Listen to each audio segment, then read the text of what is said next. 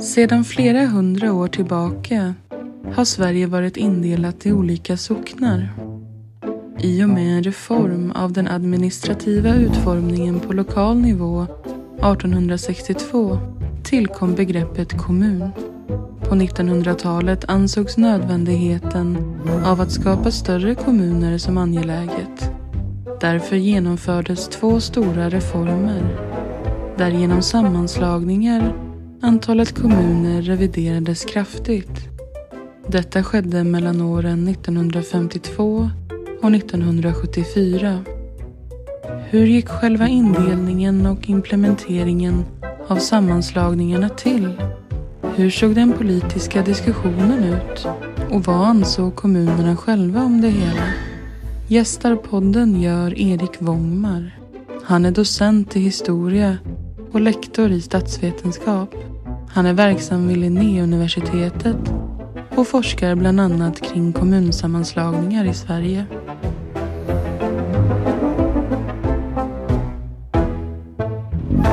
Då hälsar jag alla lyssnare välkomna åter till Moderna Tider och eh, framförallt hälsar jag dig, Erik Wångmar. Välkommen till podden. Tack så mycket. Vi ska ju prata om eh, de kommunsammanslagningar eller sammanläggningar som skedde under 1900-talet, 1952 till 74.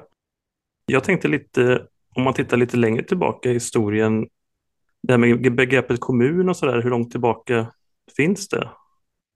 Formellt är ju kommunbegreppet en eh, produkt av 1862 års kommunreform.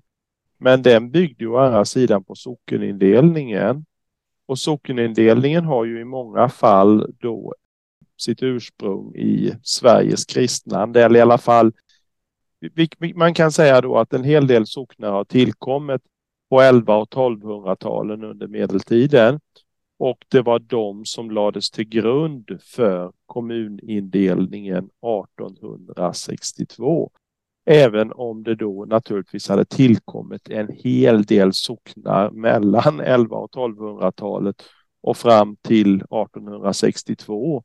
Och det nybildades ju ett begränsat antal kommuner mellan 1862 och 1952 också. Men eh, ska vi säga att eh, den indelning som lades fast 1862 den bestod till väldigt stor del ännu fram till nyårsnatten 51-52. Okej, och då var det liksom kyrko, alltså en kyrka som stod liksom i centrum då för varje enhet? Så var det. Det var ju alltså, det, man kan säga då före 1862 så var det ju så att socknen hade ju ansvar både för de kyrkliga och de, ska vi säga, icke-kyrkliga uppgifterna som fattigvården. Mm. Men från 1863 och framåt hade man ju formell uppdelning i en kommun som exempelvis skötte fattigvården, nuvarande socialvården, medan den kyrkliga församlingen skötte ansvaret för kyrkan och för skolväsendet. Ja, just det. Men idag pratar man ju om det med kommunala självstyret och sånt. Fanns det ett liknande redan då eller? Ja, det får man ju säga att det fanns. Det fanns väl på ett sätt ett större självstyrelse då än vad som det har gjort sen då. Å andra sidan var ju den kommunala verksamheten utomordentligt begränsad i jämförelse med hur det är idag. Ja, för det var fattigvård och skola då man Ja, li, lite hälsovård och sådana saker också. Men eh, det, det var eh, helt klart att fattigvården och skolväsendet var de dominerande uppgifterna. För idag är ju också liksom eh, det här med att man får ta in skatt en stor del av kommunens eh, sak också. Ja, du hade beskattningsrätt men det var ju väldigt låga skatter. Jag har ju hållit på fram, eller inte riktigt, jag är i stort sett färdig med en forskning om skattehöjningarna på kommunal nivå som var som mest tydliga under 1950 och 60-talet. Det var egentligen då skatterna sköt i höjden för att många kommuner låg väldigt lågt i den rent kommunala beskattningen ännu i början av 50-talet. Det förekom skatt på som bara, bara gick till kommunen då på 3, 4, 5 kronor i början av 50-talet och sen låg landstingsskatten på någonstans 2-3 kronor och kyrkoskatten kanske en krona. Så att ännu i början av 50-talet så kunde man ha kommuner där man betalade till kyrka, kommun och landsting drygt 10 kronor per intjänad hundralapp mm. när vi nu då betalar mellan 30 och 35.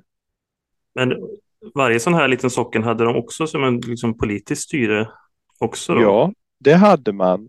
I de minsta kommunerna under 700 invånare så kunde, behövde man inte ha något valt kommunalfullmäktige utan där kunde man ha kommunalstämman som högsta beslutande organ. Från 1919 var det så att man måste ha, hade man minst 500, 1500 invånare så var man tvungen att ha fullmäktige. 1938 sänktes den gränsen till 700 invånare. Och hade man alltså under 700 kunde man ha kommunalstämma som högsta beslutande organ och där fick alla röstberättigade infinna sig. Men jag har ju då i min forskning sett i de fall man har man, i, I regel är det så att protokoll från de här kommunalstämmorna innehåller ju inte uppgifter om vilka personer som var närvarande. Men var det så att saker gick till voteringar, mm. då kan man alltså se hur många som var på plats och sen kan man sätta det i relation till antalet personer som var röstberättigade och hade rätt att delta i stämman. Och jag har ju sett eh, allt från två, tre personer närvarande till 60-70 procent av de röstberättigade närvarande på stämmor. Och då gällde det eh, framför allt kom, hur kommunen skulle ställa sig till en kommunsammanläggning och vilka alternativ. Men uppåt 70 procents närvaro och då är det ju, får vi ta hänsyn till båda, att båda könen då hade ju rösträtt från 1919. Mm. Så det var en slags direktdemokrati kan man säga? Det är det sista. Jag har faktiskt också forskat om den kommunen som var den sista kommunen som bara hade kommunalstämma. Det var ju Holmön i Västerbottens län.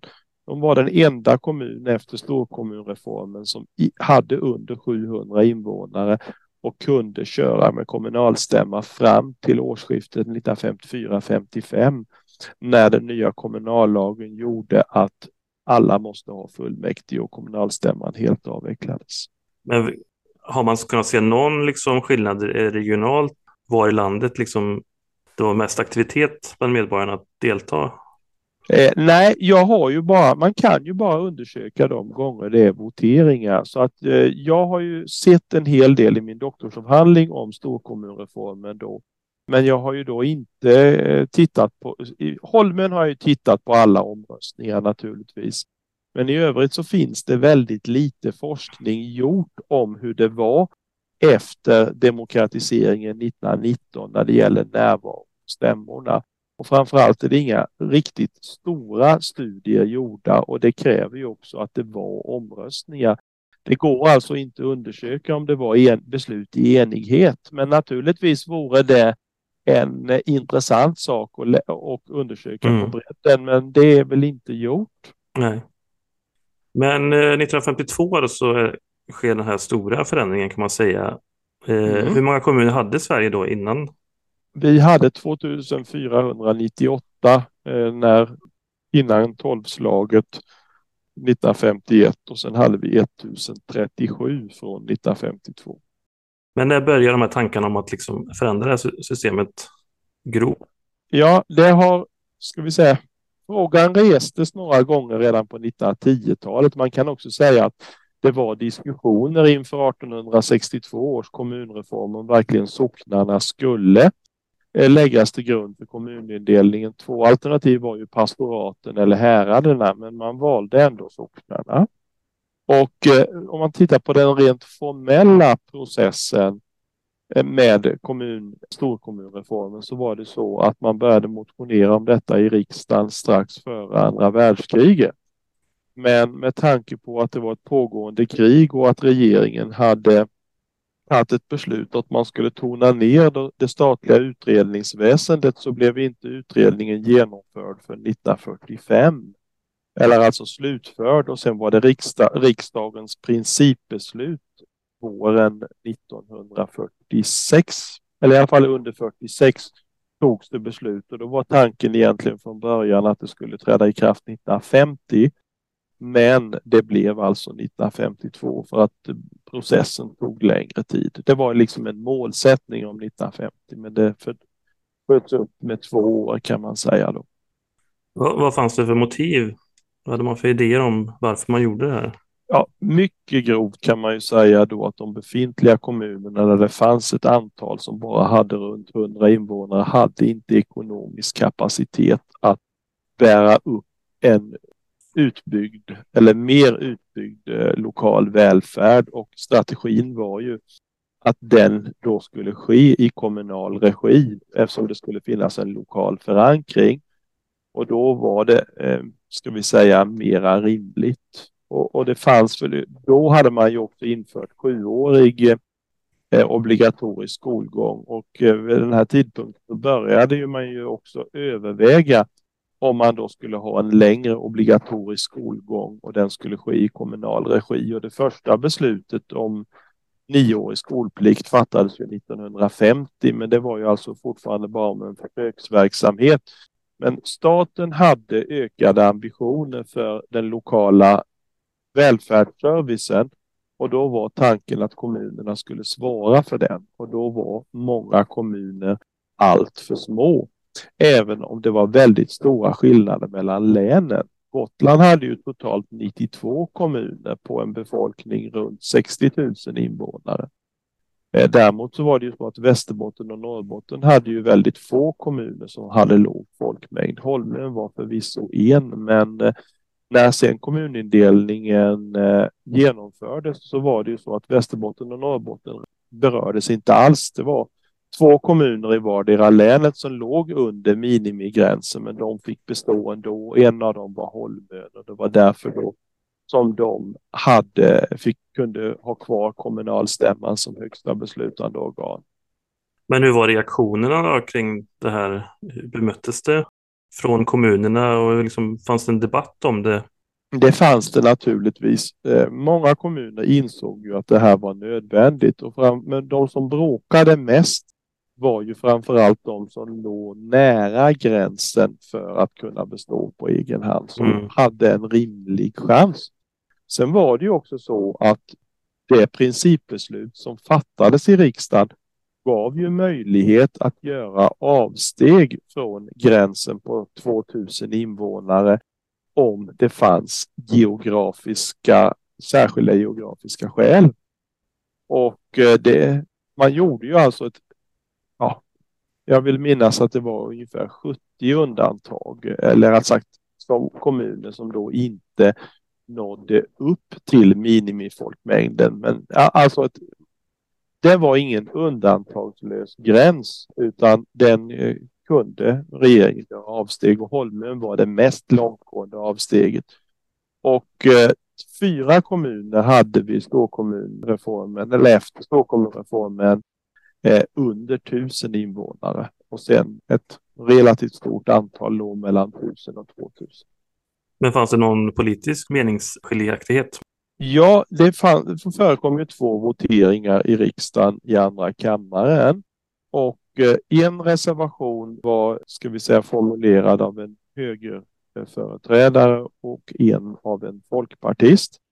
Men de samlade ju på inget sätt hela borgerligheten. Och eh, den ena eh, motionen vill, eller vad säger reservationen vill ju göra det möjligt med fler undantag än, ska vi säga, de geografiska.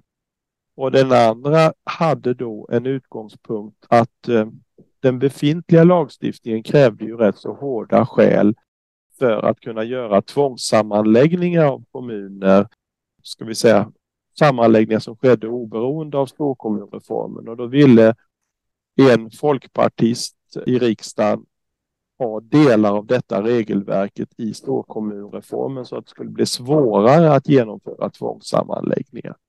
Och båda de här reservationerna hade ju medfört en mindre, ska vi säga långtgående reform eh, än vad det blev om de hade röstats igenom. Men de förlorade med bred marginal och det var framförallt Bondeförbundets eh, riksdagsledamöter som röstade på reservationerna. Ja, Folkpartireservationen fick väl rätt starkt stöd från Folkpartiet. Högerreservationen fick stöd från högern och bondeförbundet. Men det, ska vi säga, den linje som konstitutionsutskottet hade formulerat, den vann de bägge omröstningarna i andra kammaren med god marginal och eh, första kammaren voterade inte alls om frågan.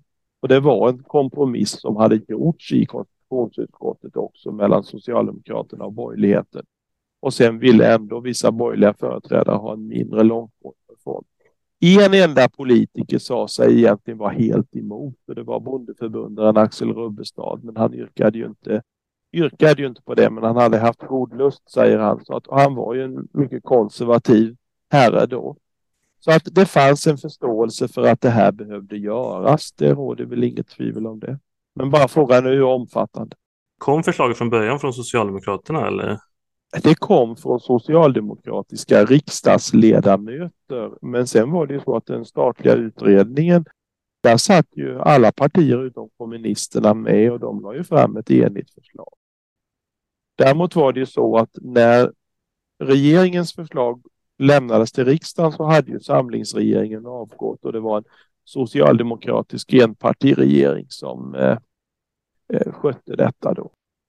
Men hur, var, hur gick själva indelningen till? Gick det, gick det, var det centralt styrt eller var det, hade liksom kommunerna någonting själva mm. att säga till om det?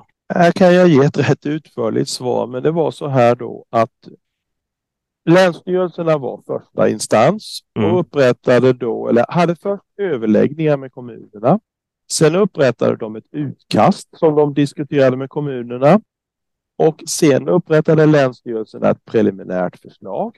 Det fick kommunerna på remiss, på, alltså att de fick yttra sig om det, hur de såg på det.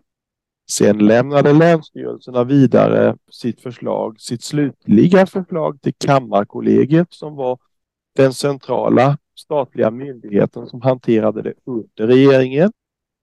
Och de kunde vid behov lägga fram nya förslag som inte Länsstyrelsen hade prövat som kommunerna fick lämna remissvar eller yttranden över. Och sen var det kollegiets sak att lägga ett komplett förslag till regeringen. Och vid den här tidpunkten så hade regeringen då omorganiserats så det var inte längre socialdepartementet som hanterade frågorna utan det var det ganska nybildade inrikesdepartementet.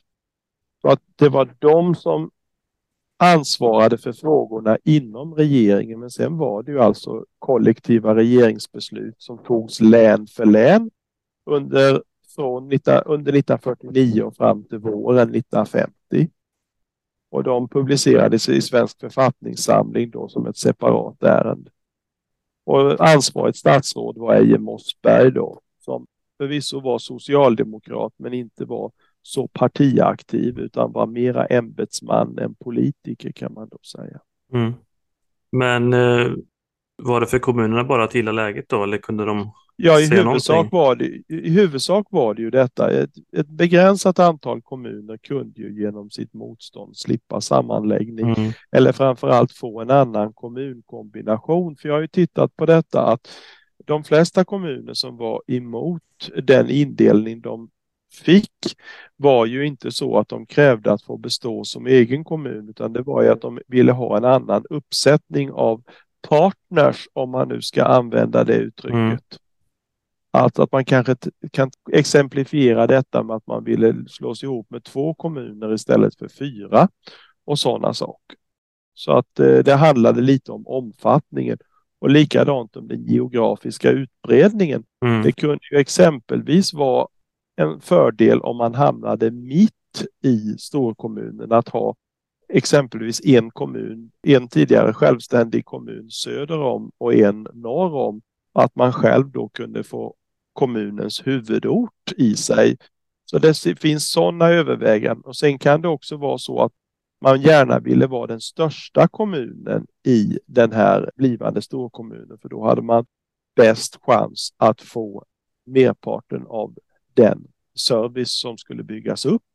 Så det fanns sådana överväganden också. Men blev det strid om det Ja, det blev, det blev det naturligtvis. I Halland så var, hotade de ju med, med politikerstrejk och så vidare, så att det var ett högt tonläge. Så att det varierade väldigt mycket. Men i de län där man hade ett stort antal kommuner och storkommunerna var tvungna att bildas på mer än tio tidigare kommuner. Där var det väl på ett sätt mindre bråk för där insåg ju alla att man måste med i en storkommun, att det inte fanns några möjligheter om man då tar Malmöhus län, Skaraborgs län, Älvsborgs län och Gotlands län. Även Uppsala län hade ju väldigt många små kommuner. Utan det största bekymret var ju då om man låg, ska vi säga, nära gränserna för att få bestå som egen kommun. Att då kunde det vara särskilt bittert. Och sen berodde det också på vem man slogs ihop. Mm. Men det var en allmänt var en ganska positiv eh, reaktion från kommunen? Ja, ja, positiv kanske är att ta i, men man insåg att det här får vi nog gå med på snarare än att det var att man applåderade det. Det där men härtill är jag nödd och tvungen är kanske en bättre beskrivning än att det var så positivt. Men i en del fall fanns det faktiskt en opinion för att bilda riktigt stora storkommuner istället för lite mer begränsade och att man ibland gjorde hela härad mm. till storkommuner. Och några av de eh, storkommuner som bildades av hela härad består ju än idag. Ett bra exempel är ju Sydsveriges minsta kommun, Ydre i Östergötland. Ja, den bildades ju av ett helt härad och den lyckades ju bestå även efter kommunblocksreform eller genom kommunblocksreform. Mm. Min fars hemkommun Redväg i Älvsborgs län bildades ju av 16 kommuner. ja, jag är från Ulricehamn från början. Så jag... Ja, ja, ja, ja. Ja, min farfar var politiker i Redväg också så att då förstår jag, då är du son till Hjalmarsson och Högberg förlaget, är det möjligen så? Nej, inte son. Det, det, eh, Hjalmarsson, Hög, eh, Lars Hjalmarsson, det var min pappas, pappas kusin. Okej, okay, men du är släkt i alla fall? Ja, det Då förstår jag, men då mm. skulle vi kunna prata om Redväg. Men då är det ju så att eh, de, ska vi säga, det var ju tre kommuner i Älvsborgs län som var väldigt eh, stora till eh, antalet socknar. Vårgårda var 18, Jäsene 16, Redväg 16 och Roma kloster på Gotland var 18. Där har vi toppnoteringarna.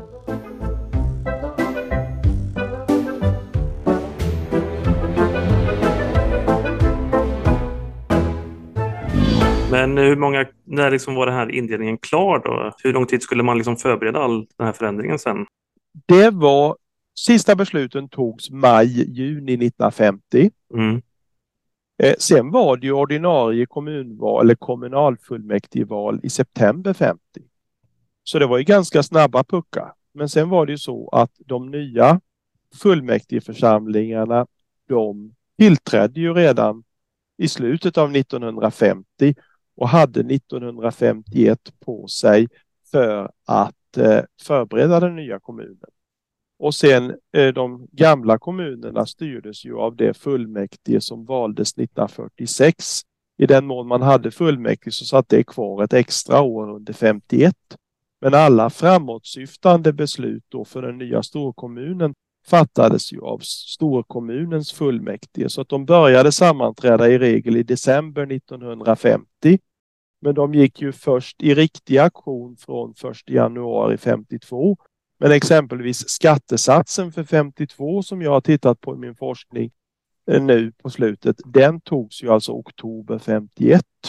Så att du hade alltså eh, ett parallellt system med de gamla kommunerna och storkommunerna arbetade parallellt under 1951. Kommunalval var var fjärde år vid den här tiden? Då. Så var det. Så det var 46, 50, 54, 58 och så vidare. Och, men hur många kommuner blev det i slutändan då? 1037. Ja, så det blir ganska många fortfarande kan man säga. Ja, ja, det blev det ju. 1952 då när man när väl träder i, i, kraft. Ja. Vad är det kommunen då har för uppgifter så att säga? Det är skola och eh, fatt, eller socialvård. Mm, detta kan jag svara väldigt utförligt på. Man har alltså ansvar för det som fortfarande heter fattigvården. Mm. Och det är ju ålder, den slutna åldringsvården, alltså ålderdomshemmen som är den tyngsta utgiften. Och det har nästan alla kommuner ett eget ålderdomshem, men inte riktigt alla, inte ens efter 52. Sen är det då ansvaret för folkskolan och fortsättningsskolan. Men då är den ju normalt sett bara sjuårigt obligatorium. Och sen är det naturligtvis också enklare hälsovårdsuppgifter, men det är väldigt små utgifter. Men egentligen skulle jag säga att den tredje viktigaste uppgiften utöver skola och socialvård är ju brandförsvaret som jag då har forskat om och jag nu har gjort i den här senare forskningen också. Eh, så att, att upprätthålla ett brandförsvar. Nu är det så att ett mindre antal kommuner har inget eget brandförsvar utan löser detta med avtal. Men eh, egentligen då i fattigvården ingår ju naturligtvis också den regelrätta fattigvården med understöd. Sen är det ju så att vi har ju en del kommuner fortfarande då som är rena landsbygdskommuner utan tätorter. Men någonting som blir en tung uppgift ganska snabbt är ju att bygga ut vatten och avloppsnätet i tätorterna. Där lägger kommunerna en hel del resurser också på investeringssidan då. Och sen blir det ju då driftkostnader för att driva det här då. Och sen börjar man bygga vattenverk och reningsverk också. Men du sa att det kom en ny kommunallag några år senare sen. 1955. Ja, är den liksom tydligare då vad som en kommun har för Nej, ansvar? det kan man inte säga därför att kommunallagen är ju mer den allmänna kompetensen utan det är ju speciallagarna som är. Vi får ju en ny lag om socialhjälp som träder i kraft 1957 som ersätter fattigvårdslagen från 1918. Och just uttrycket socialvård framför fattigvård är naturligtvis symboliskt viktigt. Sen är det också att nykterhetslagstiftningen och barnavårdslagstiftningen också skärps lite. Men barnavården på den tiden är ju inte någon barnomsorg utan det är ju egentligen framförallt omhändertagande av barn och eh, bidragsförskott och sånt man administrerar åt staten. Men om, om man ser eh, då vad som händer i kommunerna eh, så är det ju så att den största utgiftsökningen under 50 och 60-talen det är övergången till den nioåriga enhetsskolan. Och den, i de första kommunerna i Sverige så sker ju, börjar man ju med högstadieundervisning 1951. Och de sista går över 70 och då är Ulricehamns kommunblock, mm, ska vi säga, de är med och övergår först 70, vilket är absolut sista möjliga tidpunkt. Ja, min far gick realskola i slutet på 60-talet. Så att... Eh, ja, det är nämligen så att Ulricehamn tar man realen, tror jag, sista gången 1973. Mm. Och det det så att eh, de som är födda 1956 de har alltså bara gått sjuårig eh, folkskola, men de som är födda 57 har gått nioårig. Mm. Och eh, det var ju också så att Ulricehamn fick ju en av landets absolut största högstadieskolor genom att man bara då hade en högstadieskola för hela blocket. Det var ju Diskussionerna var ju från början tre då, eftersom jag då har tittat på detta forskningsmässigt, men sen blev det bara ett högstadium. Det var tanken ja. att vara både i Gällsta och i eh, Timmel eller Dalen. Mm. Men det blev Stenbocksskolan där jag själv har gått. Ja, men sen kom ju Ätradal. Då, ja, precis. Men vilka kommuner var tidiga med det här då?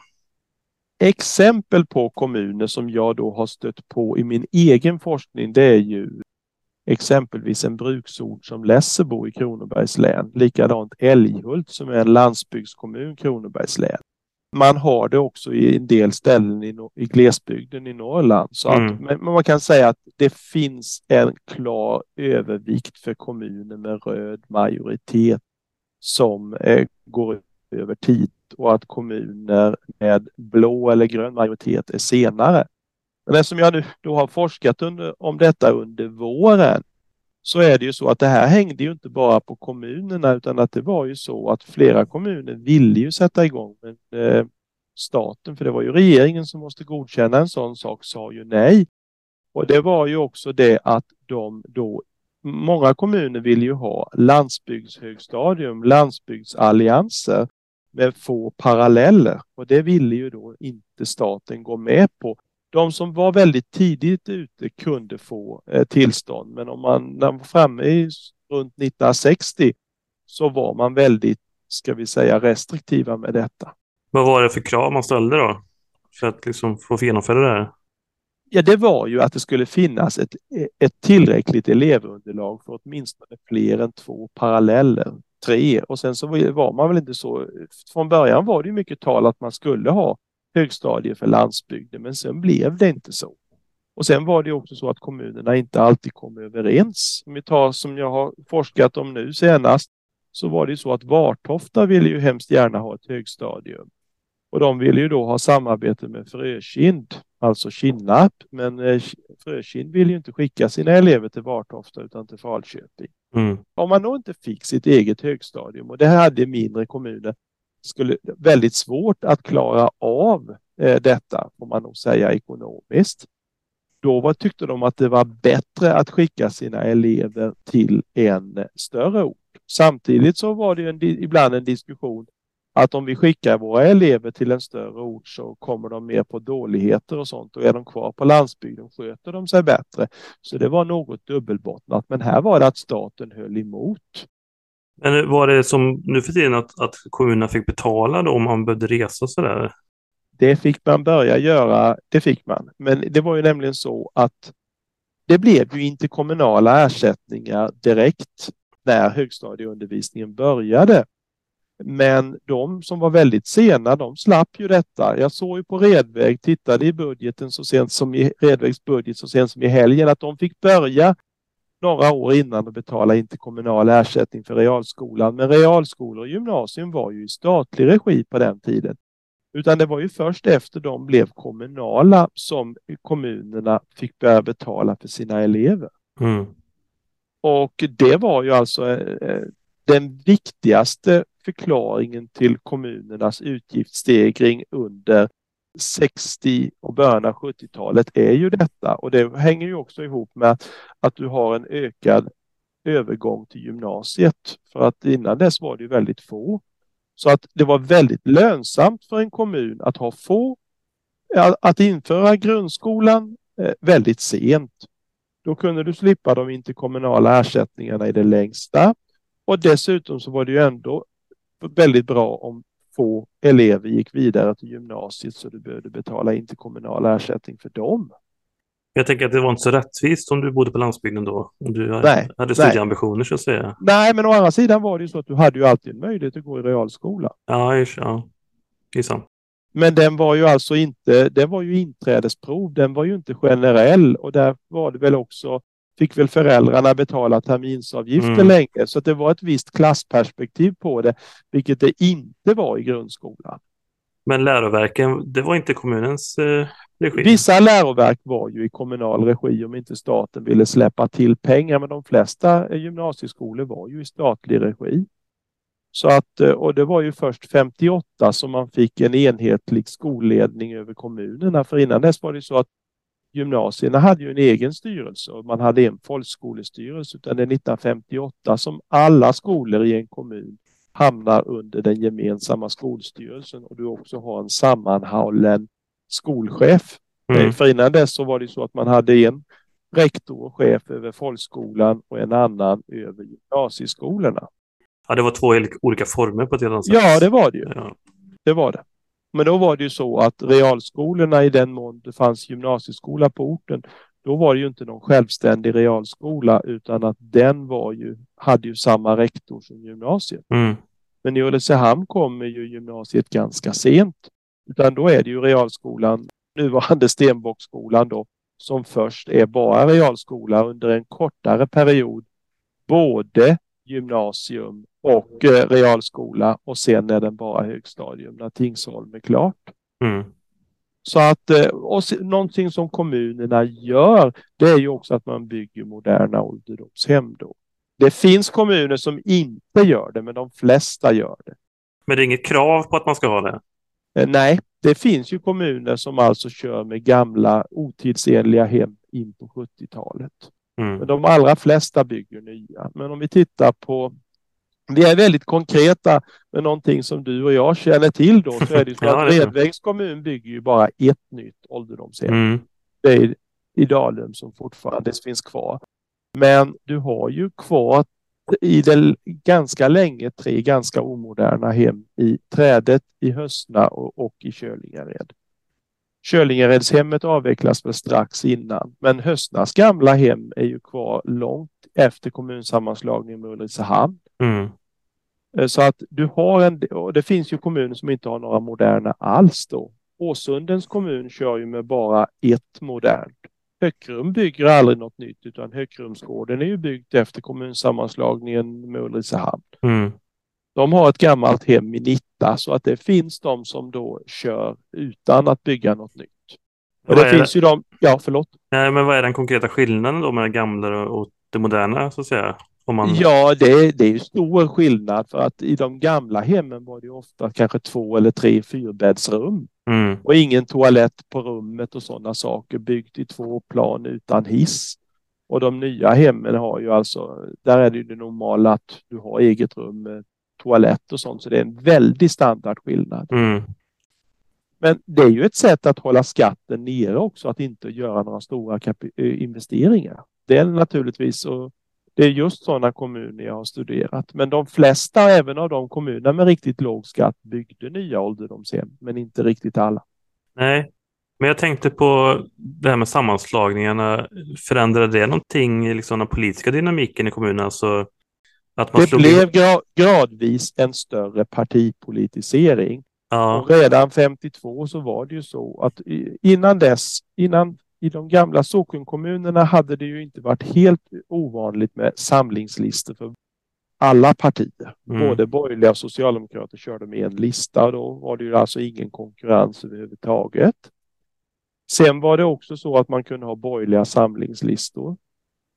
Men i, i slutet av storkommunepoken, alltså när vi kommer fram till andra halvan av 60-talet och de kommuner som är kvar till 74, då är det ju sällsynt med att man inte har partikonkurrens. Sen är det ju så att i södra Sverige så är ju Vänsterpartiet eller VPK väldigt svaga på landsbygden då i traditionella jordbruksområdet. Där är det ju ganska sällan de tar några mandat i fullmäktige. Däremot är det så att KDS då i bibelbältet och i Västergötland har lite lättare och eh, konkurrera med de andra partierna än vad VPK har. Men kan man säga vet du, att något parti är så som gynnas av sammanslagningen? Att det, något parti gynnas av 52 års sammanslagningar är kanske lite mycket sagt. I så fall är det väl Centerpartiet då, eller Bondeförbundet, genom att de då, eftersom då man, man, i, ett, I en kommun med bara kommunalstämma blir det ju inte mycket till partipolitik eftersom det inte är något fullmäktigeval. Nej. De storkommunerna med låg folkmängd, där finns det ju faktiskt ett, en hel del fall där Centerpartiet har egen majoritet. Vartofta som jag nu har studerat, där hade man egen majoritet för fem av sex val då. Det var bara 54 man inte tog egen majoritet. Men det, bondeförbundet eh, dominerar mycket på landsbygden. Det får man ju säga, men det ska vi säga att inte överallt, för ibland är det så att högern också står sig starka. Folkpartiet är konkurrenskraftiga på landsbygden i stort sett bara, eller nu överdriver jag lite, men där frikyrkorna är starka. Redväg är ju ett sådant exempel där Folkpartiet länge är ganska starkt, även om de aldrig kan hota Centerpartiet som största parti. Men eh, ändå så är det ju så att i delar av Västergötland där frikyrkorna är starka, där kan Folkpartiet hävda sig. Annars är det ju huvudsak en sak för eh, Centerpartiet, högern och Socialdemokraterna. Men eh, so Socialdemokraterna ökar successivt också i glesbygd eller? Nej, det kan man nog inte säga därför att de har det problemet skulle jag säga, även om det kanske är lite svårt att vetenskapligt bevisa. Men jag är av den bestämda uppfattningen att när landsbygden börjar avfolkas så är det ju så att det är framförallt eh, om vi tänker oss att det friställs arbetskraft i jordbruket. Mm. Det är ju det det mycket handlar om så är det de som inte är jordägande utan de som är lantarbetare och liknande, de som lämnar först. Och det är ju där Socialdemokraterna i första hand hämtar sina väljare. Och det gör ju då att Socialdemokraterna inte drar nytta av den förändringen så mycket som man kunde förvänta sig. Utan att deras väljare flyttar till tätorterna som inte då är jordbruksdominerade kommuner. Så att det, det, det, är nog någonting jag har funnit själv som inte så många andra har påpekat. Men det, det är min eh, tes i alla fall för att många kommuner då får en klart ökad industrialiseringsgrad under 60-talet men Socialdemokraterna och då är det ju så att folk då fortfarande bor kvar på landsbygden och kanske har något mindre jordbruk mm. kvar men börjar jobba inom industrin men då ser man klasstillhörigheten mera till eh, jordbruket mm. än till sin nya utan det är snarare kanske någonting för nästa generation. Så Socialdemokraterna var ganska, deras styrka var städerna så att säga? Mer. Ja det får man ju säga, ja, inte bara städerna för att det var ju landsbygden i Mellansverige och i Norrland. För att i Norrland har du ju också socialdemokrater bland bondebefolkningen, vilket är näst, väldigt, väldigt ovanligt i södra Sverige. Och vad beror det på då? Ja du, det, det är jag inte så bra att svara på. Möjligen skulle det ju vara då att jordbruket var så pass kargt så att de var beroende av andra arbetsuppgifter mm. och inte kunde vara självförsörjande eller ska vi säga kunde klara sin försörjning bara på grund av jordbruket utan hade en annan identitet som arbetare, vilket då jordägarna i södra Sverige inte behövde begagna sig av förrän ganska sent. Mm. Det är en tänkbar tolkning. Sen kommer ju nästa sammanslagning då, inte alls så långt se senare. Nej, och det är Nej. den jag kanske är allra mest intresserad ja. av. Och då är det ju så att den utredningen sätts igång lite i skymundan utan något riksdagsinitiativ 1959 av den socialdemokratiska regeringen.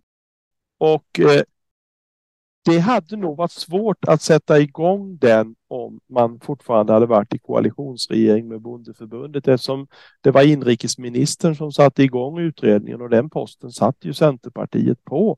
Mm. Så jag tror att det varit svårare, nästan var en förutsättning att man kom igång med detta efter koalitionen hade brutits. Mm.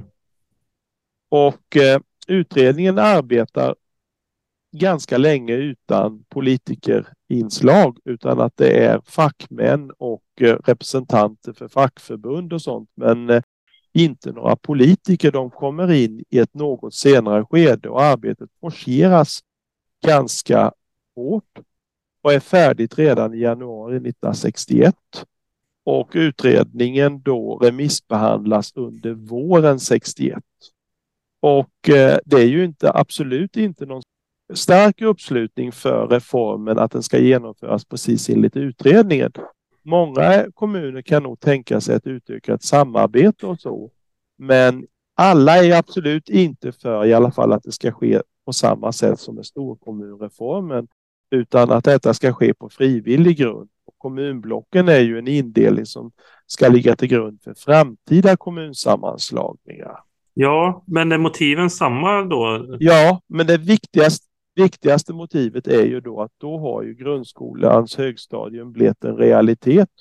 Och då är målsättningen alla framtida kommuner ska vara tillräckligt stora för att bära upp en egen högstadieskola, åtminstone med tre paralleller. Och hur många invånare pratar vi om då ungefär? Ja, egentligen är det ju så att eh, för att få en, ska vi säga, riktig högstadieskola ska man nog ha, eller riktig är det ju frågan, men 6-7 tusen, men man sätter för att med tanke på att det är befolkningsminskning i många landsbygdskommuner så sätter man riktpunkten till 8 000 invånare, alltså fyra gånger så högt som var för storkommunerna. Men eh, når alla kommuner i Sverige upp till 8 000 idag? Nej, det Nej. gjorde de inte ens då. Det fanns ett visst utrymme för eh, undantag, men utrymmet skulle vara betydligt mindre än än under storkommunreformen. Mm. Man kunde inte bilda eget kommunblock trots att det var närmare 15 mil till eh, centralorten. Så att det hade ju varit mycket lätt att slippa en sammanläggning i storkommunreformen med ett sådant avstånd. Men det, det, sådana hänsyn togs inte vid kommunblocksindelningen. Sen var det ju så också att eh, detta beslutet var ju större politiska motsättningar. Ja. För både Centerpartiet och Högerpartiet röstade emot. Folkpartiet ingick en uppgörelse i utskottet med Socialdemokraterna. Då betonades det hela att det var frivilligt. Så att kommunblocksindelningen var obligatorisk men det var helt upp till kommunerna när det skulle genomföras. Men det skulle genomföras, så det gick inte att gå emot det. Det kan man diskutera för i utredningen sa man, eller vad säger propositionen sa man att det skulle ske en uppföljning 1967 Mm. om det då, eller i alla fall efter valet 66, om hur sammanläggningen hade gått. Men för att få med sig Folkpartiet i utskottet så tog man bort detta, att det skulle inte vara någon uppföljning, utan att det var en helt frivillig reform. Folkpartiet var mycket stolta över detta i valrörelsen 66, att de hade ju fått bort detta. Kommunisterna hade ju inga krav på Socialdemokraterna, utan de röstade ju också för. Så att det var ju alltså en bred majoritet i båda kamrarna genom att man hade Folkpartiet med sig. Ja, men det fanns ändå en politisk motsättning tydligare liksom. Ja, och det hävdas ju också att ett av skälen till att högerpartiet då gick emot det var att Centerpartiet inte skulle vara själva om sitt motstånd. Men vad var deras motstånd, byggde deras motstånd på då? Var det att man skulle stycka upp liksom mer centralisering eller? Ja, Moderaterna pratade en del om en annan uppgiftsfördelning och då kunde man ju naturligtvis ha haft högstadieskolan i landstingets regi eller i statlig regi eller helt statlig regi. Och det som Centerpartiet och Högerpartiet särskilt vände sig mot det var ju att man skulle bilda kommunblocken enligt centralortsprincipen och det skulle ju innebära att eh, riktigt stora städer skulle läggas ihop med landsbygdsområden och det ville inte de. Nej. Det skulle bli stadskommuner liksom, inte landsbygdskommuner. Det skulle försvinna mer och mer. Man, man skulle vilja ha i större utsträckning landsbygdsallianser Mm. då och att de större städerna skulle helt enkelt inte beröras. Städerna var ju i huvudsak undantagna från eh, storkommunreformen även om ett begränsat antal eh, berördes. Och här ville man då ha att städerna i större utsträckning skulle lämnas utanför. Nu var det ju nästan bara Stockholm som lämnades utanför sen. Mm. Så att eh, de hade en annan uppfattning. Sen var det ju också så att länsstyrelserna, när de då precis på samma sätt som vid storkommunreformen skulle upprätta förslag till kommunblock, så gjorde de ju en, sån här, en hel del sådana här landsbygdsallianser Mm. och de följde ju inte reformprinciperna utan de föreslog närmare 340 kommunblock. Jag tror det var 338 de föreslog. Och då var det ju, ska vi säga, ordentligt med avsteg. Älvsborgs län var kanske ett av de absolut tydligaste exemplen på att man gjorde många avsteg. Mm. Men eh, sen var ju inte Kammarkollegiet inblandat och nu gick det ju direkt upp till regeringen. Och då reducerade man antalet block från 338 till 282 och då sopade man, man ju undan många kommunblock då som inte levde upp till reformprinciperna. Mm. Och Älvsborgs län vill jag minnas att man plockade sju block och fyra av dem plockades ju från Borås då för att det som blev Borås kommunblock inklusive Bollebygd skulle alltså ha varit ett Viskaforsblock, ett Dalsjöforsblock, ett Fristablock och ett block för Bollebygd och Sandhult. Sen skulle också Bjärke varit egen kommun. Det är den jag har forskat. Jaha, så de slog ihop alla de till en kommun då? Ja, till ett block. Men hur många kommuner var Borås före reformen? Ja, det var egentligen att alla utom Bollebygd och Sandhult skulle få bilda ett eget block. Ja. De skulle bilda ett gemensamt. Men eh, inrikesministern underkände ju samtliga de block. Mm. Sen var det också så att man underkände Dals-Eds kommunblock också, men de lyckades slippa sammanläggning sen i alla fall i sista hand. Men det blocket togs också bort och sen så skulle nuvarande Ale kommun också varit två block. Och Bjärke eget block. Vad fanns det för motiv till att liksom de här block... Att ibland så skulle man ha mindre block och ibland större känns det som. Ja, det var ju att Länsstyrelsen agerade ju inte symmetriskt. Nej. Och det var ju det regeringen rättade till då. Jag tänkte på vad kunde finnas för skäl att man tänkte att en liten, ett litet block skulle få finnas kvar ändå. Ja, det kunde ju vara geogra geografiska skäl, men ett skäl var ju också då att ett block skulle inte släppas igenom och hade allt för hög andel yrkesverksamma inom jordbruket för där kunde man förvänta sig störst befolkningsminskning. Och det var ju så, Bjärke kommun var ju ett sådant exempel. Mm. Så att eh, Länsstyrelsen agerade inte på samma sätt utan att däremot Skaraborg fick ju väldigt få block underkända. De fick ju sin blockindelning godkänd till stor del. Det var egentligen bara Mullsjö de sopade undan men precis som Dals-Ed så lyckades de ju slippa i sista stunden då. Så, men det, det var ju väldigt få sådana exempel. Så att regeringen hade till uppgift att jämna ut detta. Men fortfarande var det alltså en, en helt frivillig sammanläggning. Så att eh, man kunde ju inte säga någon tidsplan när detta skulle vara klart. Nej, det skulle kunna ta hur lång tid som helst egentligen. Då. Ja, 1980 eller 1990. Ja, och det gick ganska fort ändå då kan man säga. Ja, nej, det var ju det det inte gjorde egentligen. Nej. Det gick ju inte alls tillräckligt fort. Men de började ju från borgerliga riksdagsledamöter misstänka att Socialdemokraterna hade en dold agenda. Mm. Men det nekade ju ansvarigt statsråd till vid flera interpellationsdebatter. Det hade de absolut inga sådana planer nu. Men man ändrade sig ju två dagar efter man hade vunnit egen majoritet i andra kammarvalet 68 så gick man ju ut och sa att nej, nu ska det ske med tvång. Jaha, man ändrade det? Ja, annars hade det ju aldrig varit möjligt att få. Det är ju många som säger i sina beslut att det här hade vi ju hade vi inte haft tvångslagstiftningen hade vi aldrig gått med på detta. Dalsjöfors säger ju så i sitt beslut att detta gör vi bara för att vi är tvungna. Vi vill inte detta. Det var inga protester från kommunerna då? Jo då, det var det. Det sker ju en remissbehandling där i stort sett hälften av kommunerna då säger att de vill behålla befintliga frivillig linje. Och den linje som Socialdemokraterna driver med en tidsplan, den får ju bara stöd av ungefär 25 procent av kommunerna. Så mm. den har ju inget starkt stöd. Det fanns ju tre alternativ i den här remissbehandlingen. Antingen bibehållen frivillig princip eller att man då skulle kunna göra tvångssammanläggningar om en majoritet av kommunerna i blocket vill ha det.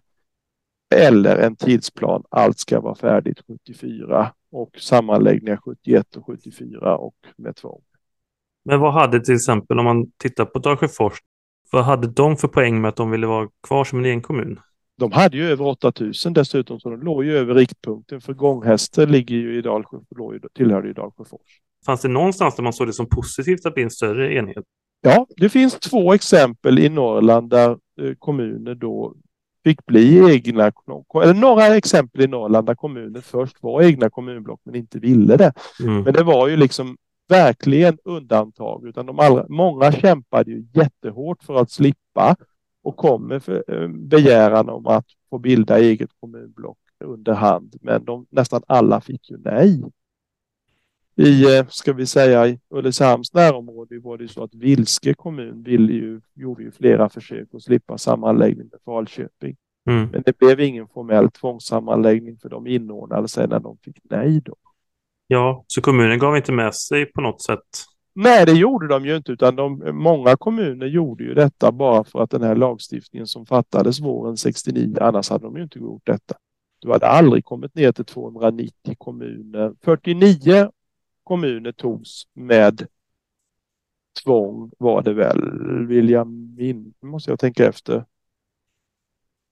Jo, jag tror att det är 38 kommuner 1971 som tvångssammanläggs och 11 eh, 1974, så det är 49 totalt.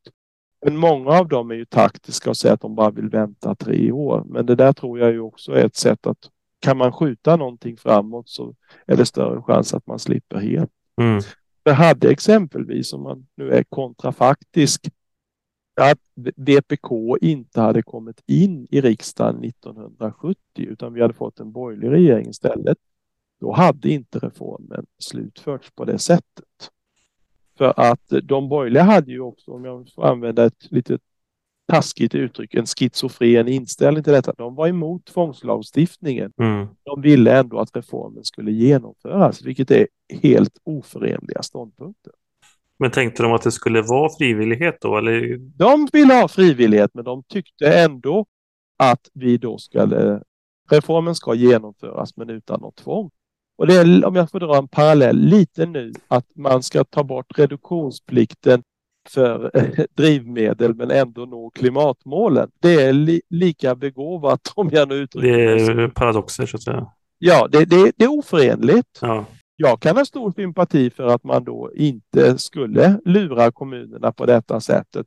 Men då kan man inte hävda att man skulle då vill uppnå det resultatet. För att eh, den socialdemokratiska regeringslinjen innebär ju att man verkligen genomför reformer. Mm.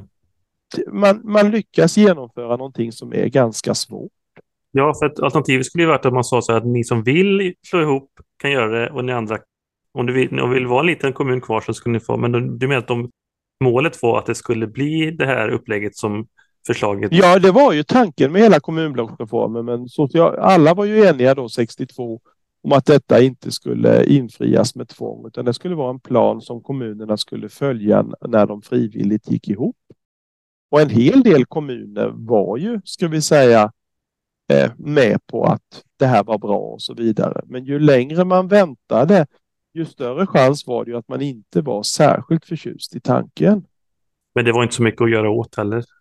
Nej, men sen är det ju så att de kommunerna som, det som förmodligen kändes allra bittrast, det var ju för de kommunerna som hade dels då 8000 invånare och dels hade en egen högstadieskola.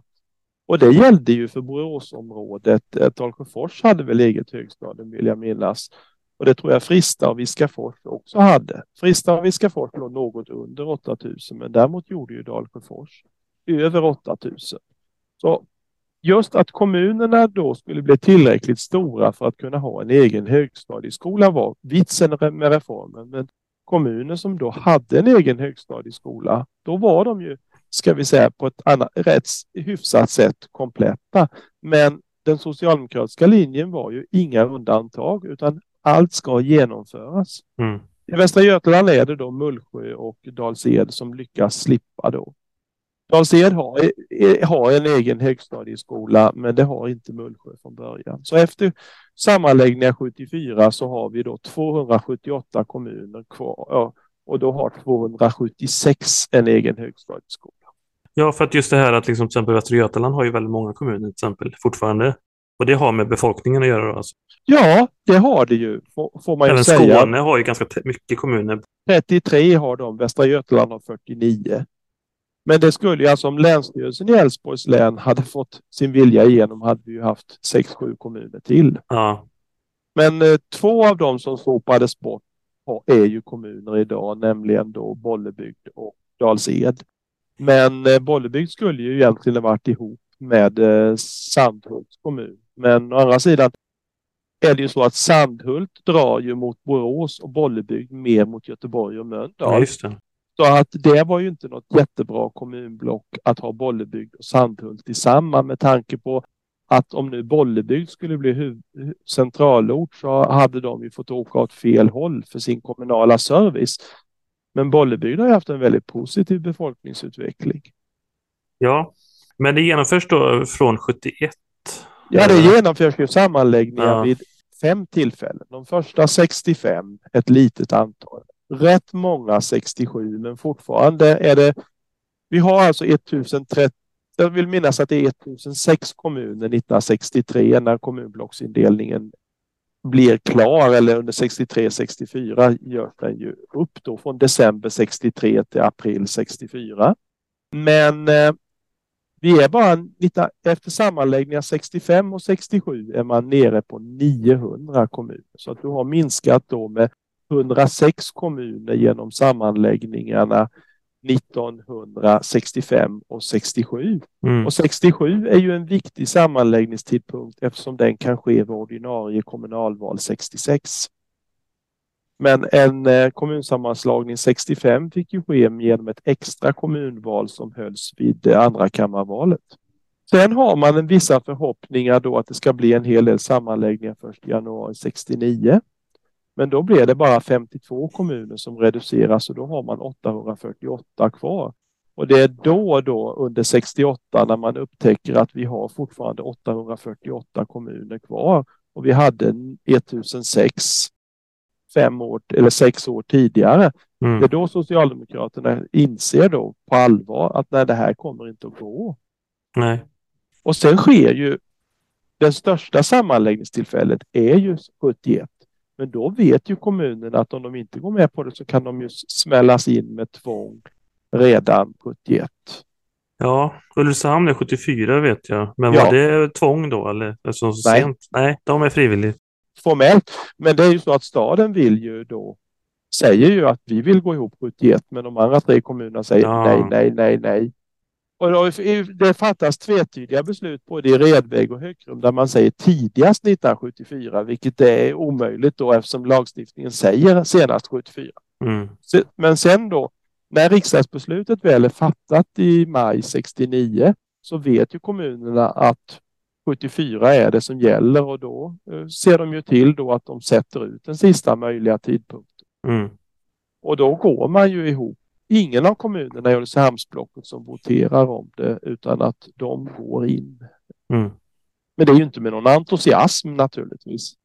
Sen kan man väl säga då att eh, Redväg har ju en mer utbyggd administration än vad de andra har eftersom Redväg är så pass mycket större. Mm. Redväg är ju, om vi ska nu tala om detta, näst största landskommun i Älvsborgs län sett till folkmängden från början och den näst största till ytan. Mm. Och de två som var störst till ytan och folkmängden, Vårgårda och Dalsed, är ju kommuner än idag. Mm. Så att eh, om det var någon då som skulle bestå så är det väl i så fall Redväg, men de hade ju ingen högstadieskola.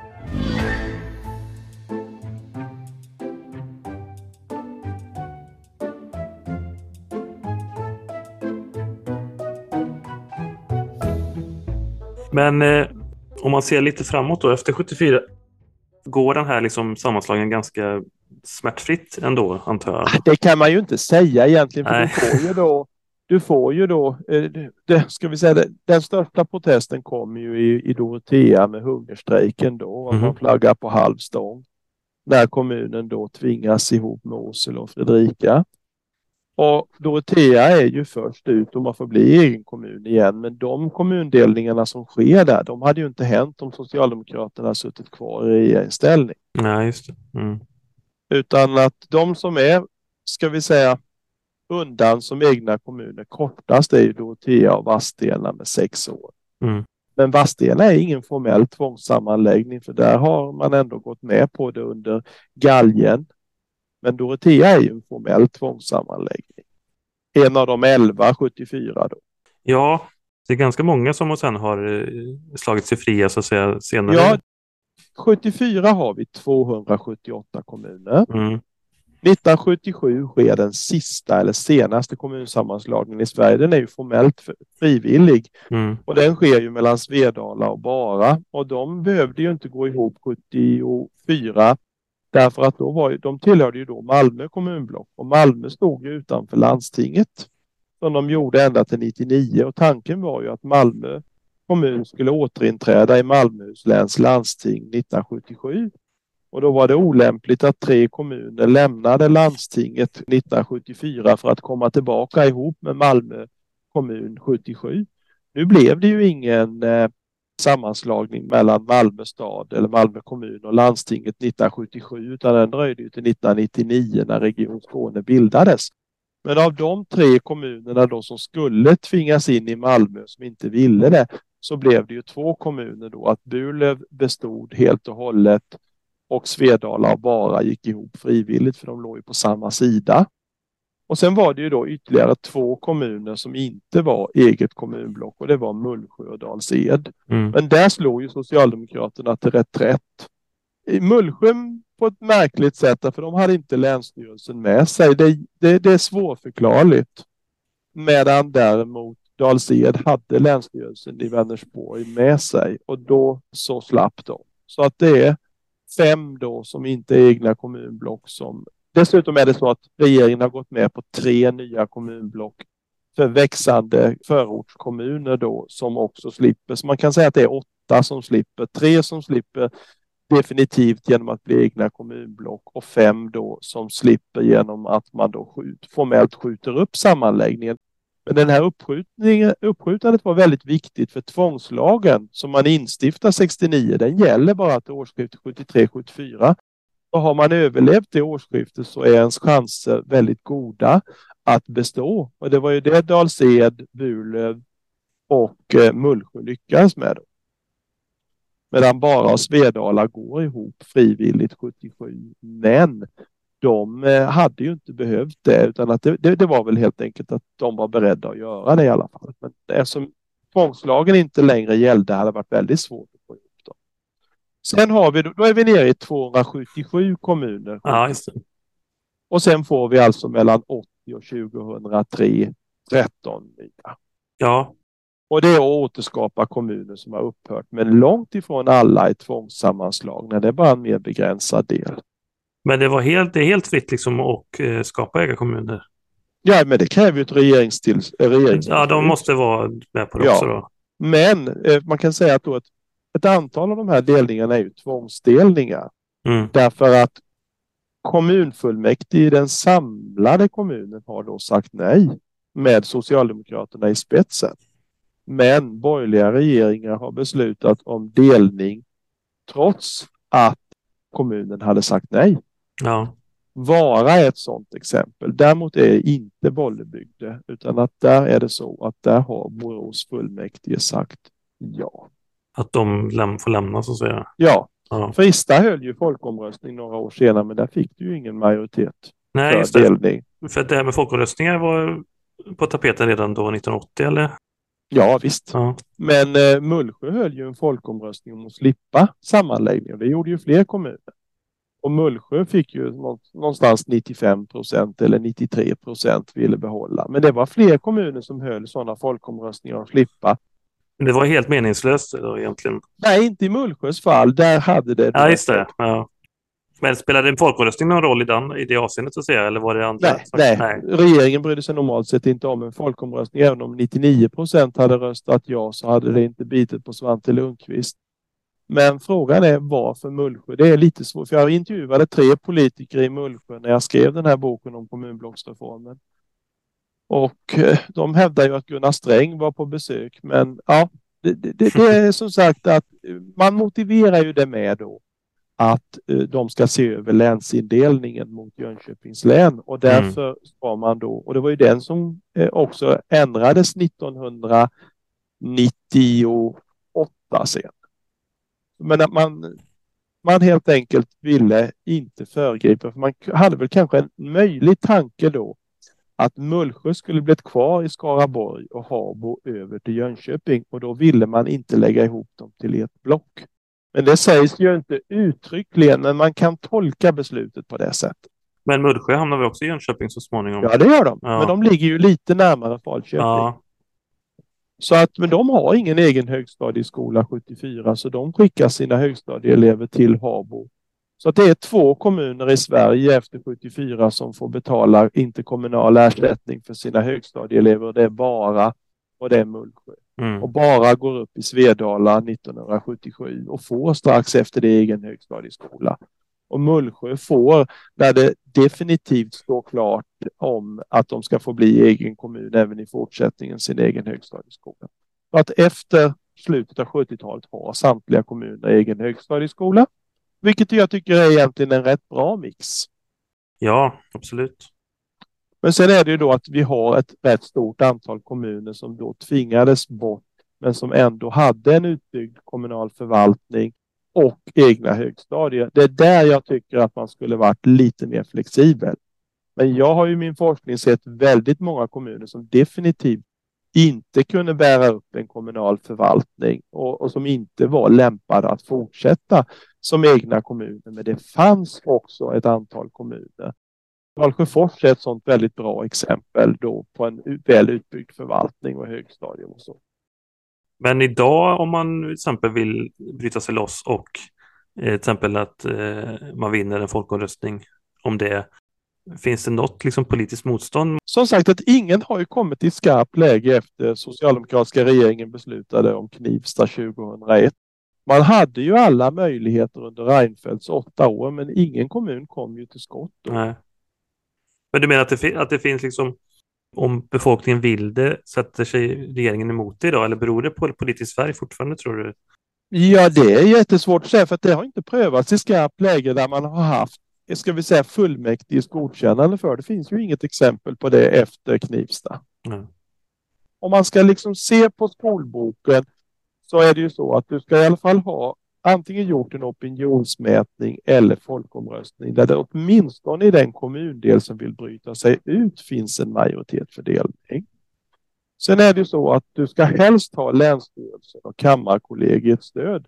Men det, de borgerliga regeringarna har ju i flera fall kört över både Länsstyrelsen och Kammarkollegium och beslutat om delning. Så att Essunga var ju ett sådant exempel. Jag vill minnas att Kammarkollegiet sa nej och där körde man ju ändå. Mm. Så tvångsdelningarna när regeringen har beslutat sådana har i flera fall skett att både kommun, länsstyrelse och kammarkollegium har sagt nej. Och så skulle ju aldrig en socialdemokratisk regering ha agerat. Det tror jag inte.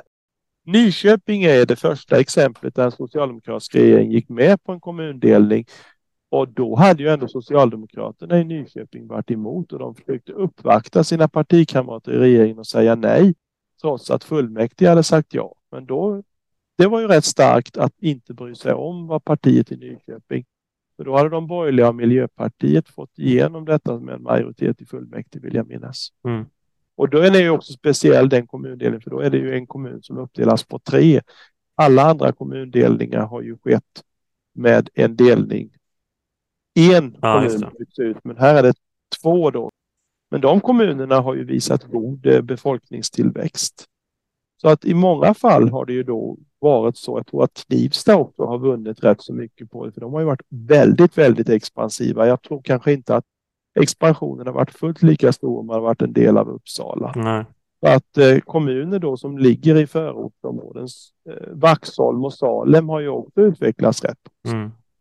Ja, och sen på senare år har man ju försökt göra om eh, regionindelning och sånt där, men det är också politiska motsättningar som verkar ha gjort Jo, men man får väl ändå säga att Skåne blev rätt lyckosamt. Ja, Västra Götaland är ju en koloss, eh, verkligen. Det är det, men eh, Skåne är ju ändå en gemensam regional identitet, att det är landskapet Skåne och Östra Karups församling. Det gör ju att det är väldigt lätt. Å andra sidan så finns det ju poänger med sammanslagningarna i Göteborgsområdet eftersom de då var uppdelade. Göteborg står utanför eh, landstinget. Sen hade du Bohuslandstinget och sen så var det ju då Älvsborgslandstinget som gick nästan in i Göteborg, Storgöteborg genom att eh, Ale kommun tillhörde Älvsborgslandstinget. Sen var det så att du genomförde ju inte det fullt ut ändå eftersom Kungsbacka blev kvar i Halland. Mm. För att det, tanken var nog från början egentligen att Kungsbacka skulle varit med. Men eftersom Kungsbacka har blivit en allt större del av Hallands län Mm. Så hade ju då en utbrytning av Kungsbacka slagit undan benen för Varbergs sjukhus. Ja, men det är väl också Halland som var mycket en bromskloss för de här storregionerna också känns. Absolut, Ja. de höll ju hårt på detta för de ville ju, det var ju en risk också att de skulle styckas mellan Skåne och eh, Västra Götaland. Mm. Så att man kan ju säga om man ska avsluta det Ja, absolut. det finns ju uppenbarligen, har ju inte funnits något, något folkligt eller kommunalt tryck för sammanläggningar. Det har hållits ett antal folkomröstningar om kommunsammanslagningar från 2004 och framåt. Mm. I enbart ett fall har det blivit ett ja i den ena kommunen, men inte i den andra. Och den kommunen som sa ja eh, i en folkomröstning, de har ju lyckats hålla en folkomröstning till där man då sa nej. Vänta, nu måste det bli 15 år sedan. Nej, vänta nu. 10 år senare måste det ha varit. Vilken kommun var det?